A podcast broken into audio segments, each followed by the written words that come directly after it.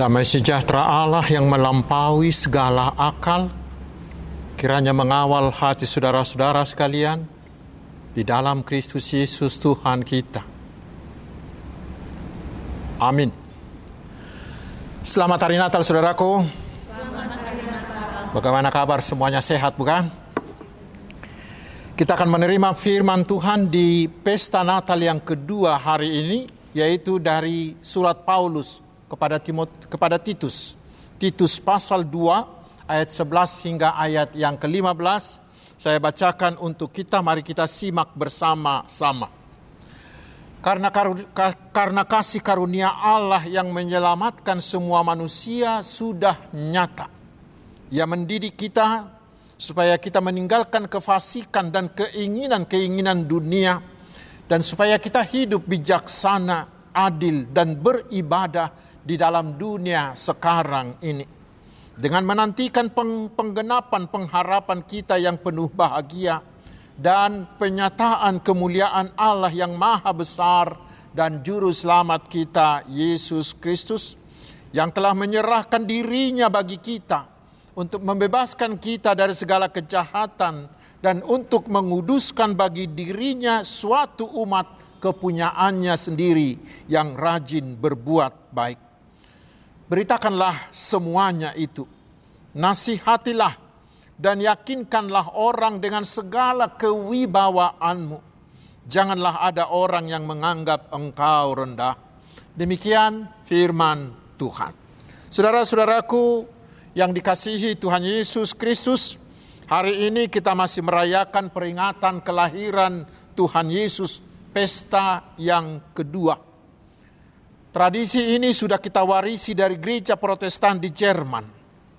Dan dahulu di negara kita ini, pesta kedua ini ditetapkan sebagai hari libur nasional. Tetapi sekarang tidak lagi.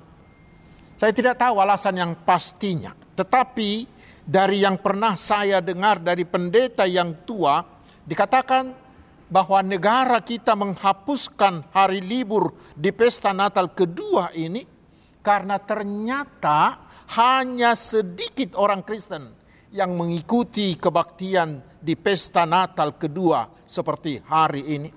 Dan ini pasti terjadi juga hingga hari ini. Hanya sedikit orang yang datang ke kebaktian pesta kedua ini. Padahal saudaraku, kita rayakan itu dua hari berturut-turut untuk menunjukkan betapa besarnya sukacita kita oleh kelahiran Tuhan Yesus itu. Tetapi mungkin sudah banyak orang yang merayakannya seperti tradisi saja tanpa menghayati makna terdalam dari kelahiran Yesus itu. Karena itulah firman hari ini sangat tepat karena dapat menerangkan kepada kita apa sebenarnya yang menjadi pusat sukacita, yang menjadi pusat perayaan kita di hari Natal seperti ini. Itu yang dikatakan oleh Paulus di ayat 11. Dikatakan karena kasih karunia Allah yang menyelamatkan semua manusia sudah nyata. Ternyata pusat sukacita kita di hari Natal ini adalah kasih karunia adalah anugerah Allah yang menyelamatkan semua manusia yang sudah mewujud, yang sudah nyata, yang sudah hadir di dalam diri Tuhan Yesus Kristus yang lahir di Bethlehem. Saudaraku, di dalam perjanjian baru dikatakan kasih karunia itu mempunyai arti yaitu sebuah kebaikan, sebuah tindakan kebaikan sebuah tindakan kemurahan hati yang lahir dari kasih yang tulus, dari kemauan yang baik dengan maksud yang baik, dari seorang yang lebih tinggi, yang lebih mulia kepada yang lebih rendah, tetapi yang amat dikasihinya. Dan itulah yang diberikan oleh Allah kepada manusia berdosa seperti kita ini dengan kesediaan Allah memberikan anaknya yang tunggal Tuhan kita Yesus Kristus menjadi manusia untuk menyelamatkan kita. Di ayat 14a dikatakan, bahwa Yesus telah menyerahkan, telah mengorbankan dirinya bagi kita. Mengorbankan itu berarti memberi dirinya untuk menggantikan kita. Pertanyaannya sekarang, mengapa harus ada pengorbanan? Mengapa harus ada pengorbanan? Saudaraku kita tahu karena dosa kitalah seharusnya yang harus disalibkan di kayu salib itu. Karena Allah kita adalah Allah yang adil, seperti seorang polisi yang pasti menghukum setiap orang yang melakukan kesalahan, bukan? Itulah yang seharusnya kita terima. Kita harus dihukum karena dosa kita. Itulah keadilan. Tetapi di pihak lain, Allah juga adalah Allah yang maha kasih. Seperti seorang opung, seperti seorang kakek. Kalau kita salah, kakek nenek kita selalu mengasihi dan mengampuni kita, bukan? Demikian juga dengan Allah kita. Allah kita tidak menginginkan kematian orang berdosa, tetapi Allah menginginkan supaya mereka hidup sehingga Allah mau mengampuni kita. Tentu sekali saudaraku ini menjadi hal yang dilematis bukan? Di satu pihak Allah adil harus menghukum, di pihak lain Allah harus mengasihi. Bagaimanakah itu bertemu? Bagaimana jalan keluarnya untuk mempertemukan keadilan dan kasih Allah itu? Untuk itulah saudaraku diperlukan pengorbanan Allah menunjukkan kasihnya dan keadilannya sekaligus melalui pengorbanan anaknya, yaitu Tuhan Yesus Kristus. Yesus adalah Allah yang mau menjadi manusia dan mau mati di kayu salib untuk menggantikan kita menanggung hukuman atas dosa kita. Kita baca itu di Yesaya 53 ayat 6b dikatakan, tetapi Tuhan menimpakan kepadanya kejahatan kita sekalian. Dan di 1 Korintus 5 ayat 21 dikatakan, dia yaitu Yesus yang tidak mengenal dosa, telah dibuatnya menjadi dosa karena kita, supaya dalam dia kita dibenarkan oleh Allah. Di kayu salib itulah Allah menimpa melimpahkan seluruh dosa-dosa dan penderitaan kita kepada Tuhan Yesus. Lalu Yesus mati di kayu salib dan di salib itulah Yesus memberikan nyawanya untuk menebus kita ayat 14. Mengapa? Sebab karena dosa nyawa kita sudah tergadai kepada si iblis karena hutang dosa adalah maut. Dan agar kita bisa selamat harus ada nyawa untuk menebusnya. Yaitu nyawa manusia yang tidak berdosa, yang tidak ikut tergadai. Dan untuk itulah Allah berinkarnasi menjadi manusia, yaitu Yesus yang lahir di Bethlehem. Lalu sebagai manusia 100% yang tanpa dosa, Yesus dapat memberikan nyawanya untuk membayar hutang dosa kita dengan kematiannya di kayu salib. Saudaraku, itulah pengorbanan karena kasih Yesus bagi kita orang berdosa ini. Tetapi kemudian Yesus bangkit dari kematian di hari yang ketiga dan naik ke sorga menyediakan hidup kekal bagi kita. Maka dengan pengorbanannya itu Allah menunjukkan keadilannya dan menunjukkan kasihnya sekaligus yang memberikan keselamatan sempurna bagi kita orang-orang berdosa ini. Tetapi yang hal yang paling menggembirakan lagi bagi kita adalah keselamatan yang disediakan Yesus itu diberikan kepada kita secara gratis sebagai hadiah. Itu yang disebutkan di ayat 11. Karena kasih karunia Allah yang menyelamatkan semua manusia sudah nyata. Kita tidak perlu membayar apa-apa. Bukan dengan usaha kita, bukan dengan perbuatan baik kita, bukan dengan amal-amal baik kita, bukan tetapi diberikan secara gratis. Itulah anugerah yang luar biasa. Saya dibenarkan, saya menjadi benar di hadapan Allah. Dosa-dosa saya dihapuskan, saya selamat, saya bisa masuk surga bukan karena usaha saya, tetapi karena dihadiahkan oleh Yesus bagi saya. Dan untuk memperoleh hadiah itu, hanya satu yang perlu kita lakukan, yaitu menerimanya dengan iman. Yaitu dengan menerima Tuhan Yesus, pemberi anugerah itu menjadi Tuhan dan Juru Selamat kita secara pribadi. Lalu kita mengandalkan Tuhan Yesus dalam seluruh kehidupan kita. Bila demikian, saudaraku, pasti, sekali lagi, pasti kita sudah selamat. Pasti kita sudah masuk sorga. Itulah sukacita kita di hari Natal. Anugerah keselamatan Allah sudah tersedia bagi kita di dalam Yesus yang lahir di Bethlehem. Tetapi saudaraku, anugerah adalah tanggung jawab.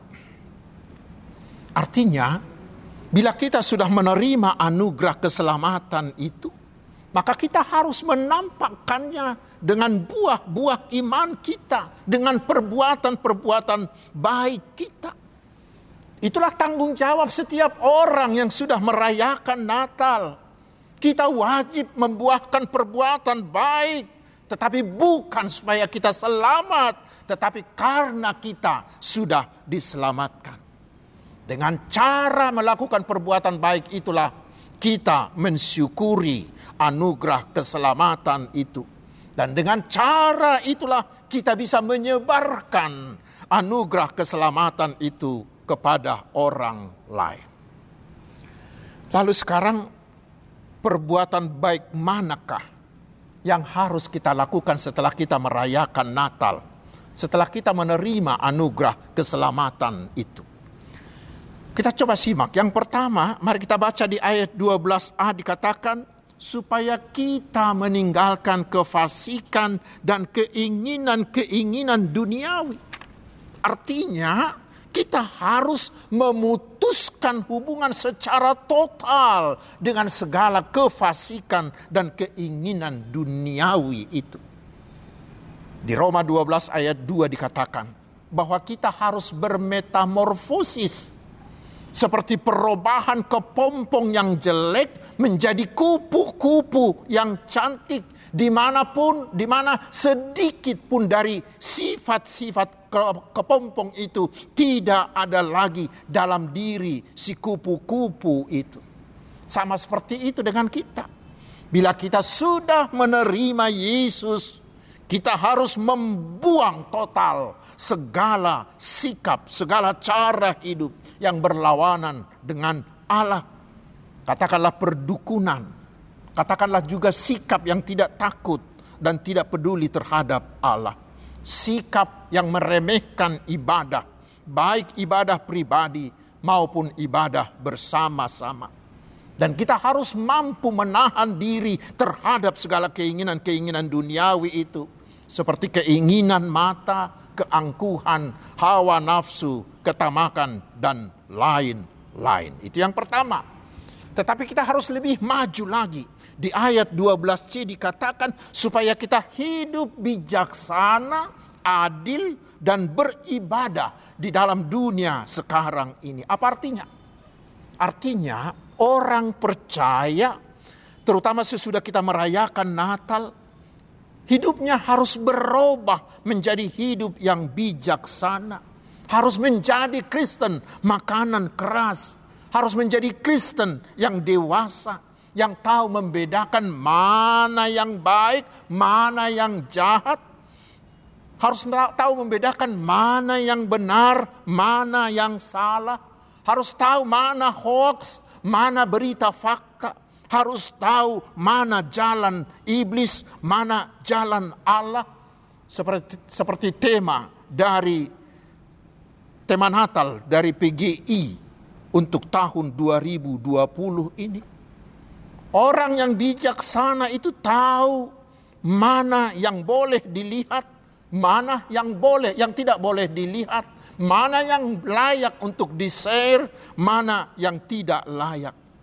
Orang percaya harus menjadi bijak dalam menggunakan waktu, dalam menggunakan uang, harus bijak menggunakan media sosialnya, harus bijak berpolitik, harus bijak memimpin, memilih siapa pemimpin yang layak memimpin, harus bijak menggunakan kebebasan dan lain-lain. Dan setelah dan berikutnya saudaraku, setelah menerima anugerah keselamatan dan merayakan Natal, kita juga harus mampu bertindak adil, meneladani Allah kita yang adalah adil. Adil itu berarti memberi hak setiap orang, memberi hak Allah, dan tahu melakukan kewajiban terhadap semua orang kepada Allah, kepada sesama, kepada alam, dan lain-lain.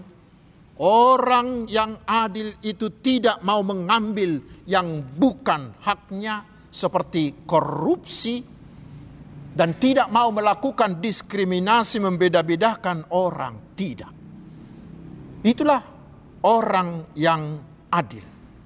Dan yang ketiga, setelah menerima anugerah keselamatan dan merayakan Natal, kita juga harus menjadi orang yang mau beribadah.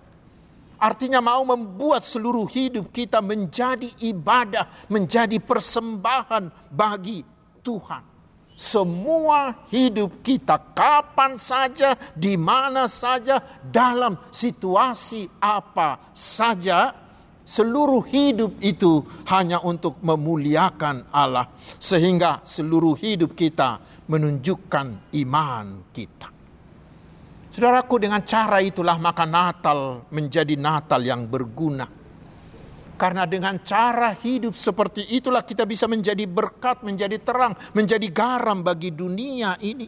Dan itulah cara kita untuk membagikan kasih anugerah Tuhan Yesus tadi kepada semua orang. Karena dengan berbuat seperti itu, maka kita akan meras maka kita maka orang-orang di sekitar kita akan merasakan kasih karunia Tuhan Yesus atas mereka. Dan yang keempat, saudaraku, firman hari ini mengatakan bahwa kasih karunia itu diperuntukkan bagi seluruh bangsa. Yesus lahir untuk menyediakan anugerah keselamatan bukan hanya bagi suku, bukan hanya bagi bangsa atau kelompok tertentu saja, dan bukan hanya untuk orang Kristen saja, tetapi untuk seluruh bangsa, untuk seluruh dunia. Karena itulah di ayat 15 Paulus mendesak, beritakanlah semuanya itu, nasihatilah dan yak yakinkanlah orang dengan segala kewibawaanmu. Hari ini Tuhan menugaskan kita agar seluruh pada hari pada hari Natal seperti ini kita mau menjadi penginjil-penginjil kepada semua orang. Tentu saudaraku ini bisa kita lakukan bila kita semuanya sudah benar-benar yakin sudah benar-benar percaya bahwa Yesus Kristus itulah juru selamat kita, juru selamat yang sempurna bagi dunia ini. Kita akan semakin berkomitmen memberitakan Injil bila kita sudah benar-benar menerima anugerah keselamatan itu. Dan berita Natal, berita keselamatan akan semakin memukau orang bila semua orang Kristen, terutama mereka-mereka yang di masa lampau memiliki track record yang kelam, yang hitam karena tersandung oleh dosa-dosa. Mereka tetapi mereka mau bertobat seperti Sakeus, seperti Paulus. Bila mereka memberitakan Injil Kristus, orang akan semakin terpukau dengan Injil yang mereka beritakan bila kita semua mau menunjukkan buah iman kita di semua hidup keseharian kita. Itulah cara yang paling sederhana dan paling mudah untuk memberitakan Injil. Dan Tuhan sudah menyediakan alat yang ada di tangan kita, yaitu gadget kita, HP kita, media sosial kita.